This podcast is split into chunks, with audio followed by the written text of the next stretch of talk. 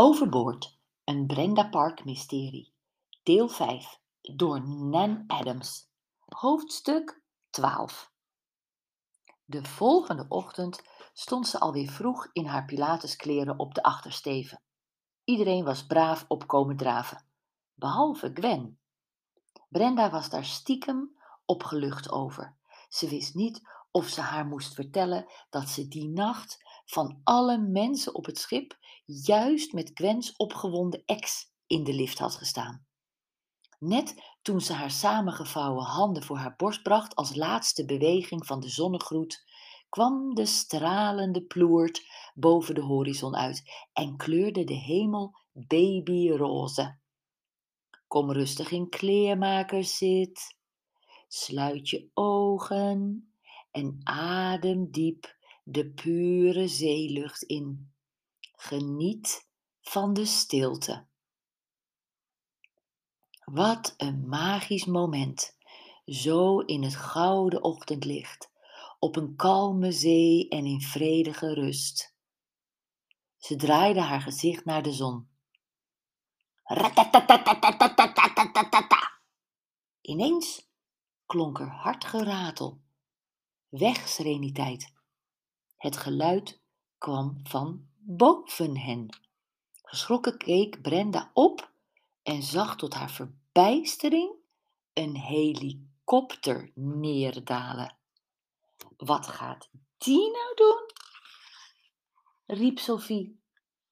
Geen idee, riep Brenda terug, maar haar woorden waren onverstaanbaar in het harde geklop van de wieken. René die nooit ergens heen ging zonder haar camera, was opgesprongen om haar toestel te pakken. Ik ga even kijken hoor, riep ze en was weg. Tot grote verbazing van de vrouwen zakte de helikopter steeds lager tot hij, een paar verdiepingen boven hen, op een dek tot stilstand kwam.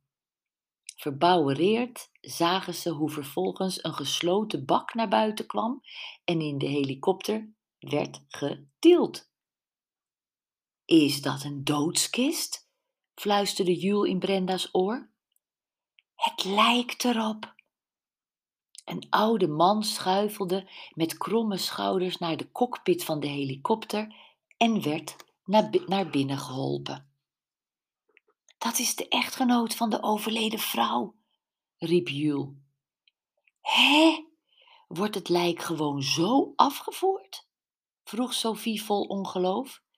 Gary zei toch dat er hier speciale koelruimtes zijn? Brenda haalde haar schouders op en wenkte haar dames naar zich toe. Gelukkig dat we bijna klaar waren met onze les. Met dit lawaai is het over met de rust. Ik stel voor dat we gaan ontbijten en ons dan omkleden voor de aankomst op Guernsey. Brenda klapte verheugd in haar handen en probeerde zo de geschrokken stemming weer op te krikken. De verwachte aankomsttijd in de haven is tien uur. Ze keek Sophie, Jules en Victoria aan. En er is een uur tijdsverschil, hè? Het is nu niet, ze keek op haar horloge, negen uur, maar acht uur. Toen ze met Jules naar haar hut terugliep, zei Jules: Misschien is het lichaam van de vrouw afgevoerd omdat we de Britse territoriale wateren binnenvaren. Ik herinner mij dat de echtgenoot de hele tijd Mon Dieu, mon Dieu riep. Ze waren dus Frans of Belgisch. En wat ik nog weet van mijn rechtenstudie is dat er ingewikkelde regels gelden in territoriale wateren, vooral de Britse dan moet er misschien autopsie worden gedaan en kan het zomaar weken duren voor je je dierbare kunt begraven. Ah, dat zal het zijn, knikte Brenda. Nou, het was een hele heisa. Letterlijk. Ze haalde haar sleutel tevoorschijn. Trouwens, Jules, hoe is het nu met je migraine? Weg. Het stretchen op het dek heeft me goed gedaan. Gelukkig maar. Als ik hier nog meer hoofdpijnpillen had moeten kopen, was het bijzonder pricey geworden. Ha, Laat het dan nu maar een bijzonder reisje worden, lachte Brenda. Ik heb zo'n zin om Guernsey te verkennen, al is het maar één dagje. Ik ook. En ik ga lekker sportief gekleed hoor. Ik heb zin om veel te wandelen en misschien wel te zwemmen in een van de baaitjes. Tijdens het ontbijt was de groep uitgelaten als een stel schoolmeisjes. Gwen had zich bij hen gevoegd en praatte honderd over de plannen van Alfonso. Vinden jullie het niet erg als ik met hem het eiland op ga? vroeg ze onschuldig. Hij heeft een privé-excursie geboekt voor ons tweetjes. Alles beter dan een huilende en verbitterde Gwen, dacht Brenda en knikte instemmend. Doen. Een uurtje later stonden Sophie, Victoria, René, Jules en Brenda in de rij om het schip te verlaten. Gwen kwam in een wit broekpak aan de arm van Alfonso naar hen toe. Brenda zag dat ze ergens naar staarde. Oh nee, gilde Gwen. Ze liep op een wand af waar tientallen foto's hingen.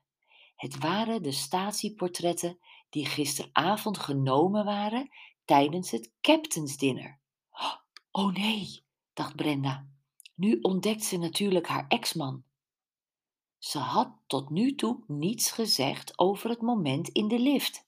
En Victoria had ook wijselijk haar mond gehouden. Ze ging achter Gwen aan. Niet doen, lieverd. Het maakt je alleen maar overstuur. Ik moet hem zien, ik wil hem zien, mompelde Gwen terwijl haar hoofd heen en weer schoot. Er is geen beginnen aan, probeerde Brenda weer, maar op het moment dat ze het zei, viel haar oog op een foto van een stel dat haar heel bekend voorkwam. Het waren de vrouw met de rode sjaal en de ex-man van Gwen. Stralend keken ze in de lens. Zou ze arme Gwen uit haar lijden verlossen? Ze keek achterom naar haar groepje dat al bijna bij de loopplank was. Hier, Gwen, hier heb je ze.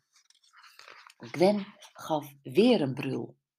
Brenda sloeg haar arm om Gwen's schouders. Rustig maar.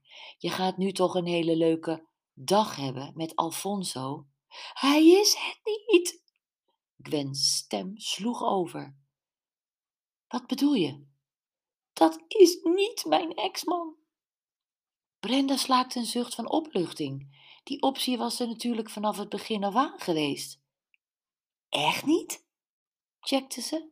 Nee, zij is wel de vrouw die bij ons thuis is geweest, maar hij, Gwen tikte driftig op de foto, hij is niet mijn ex. En op het moment dat ze het zei en ze zich met haar neus nuffig omhoog door Alfonso liet meevoeren, zag Brenda de man van de foto in zijn eentje door de lobby lopen en in de rij uitstappers naar buiten verdwijnen.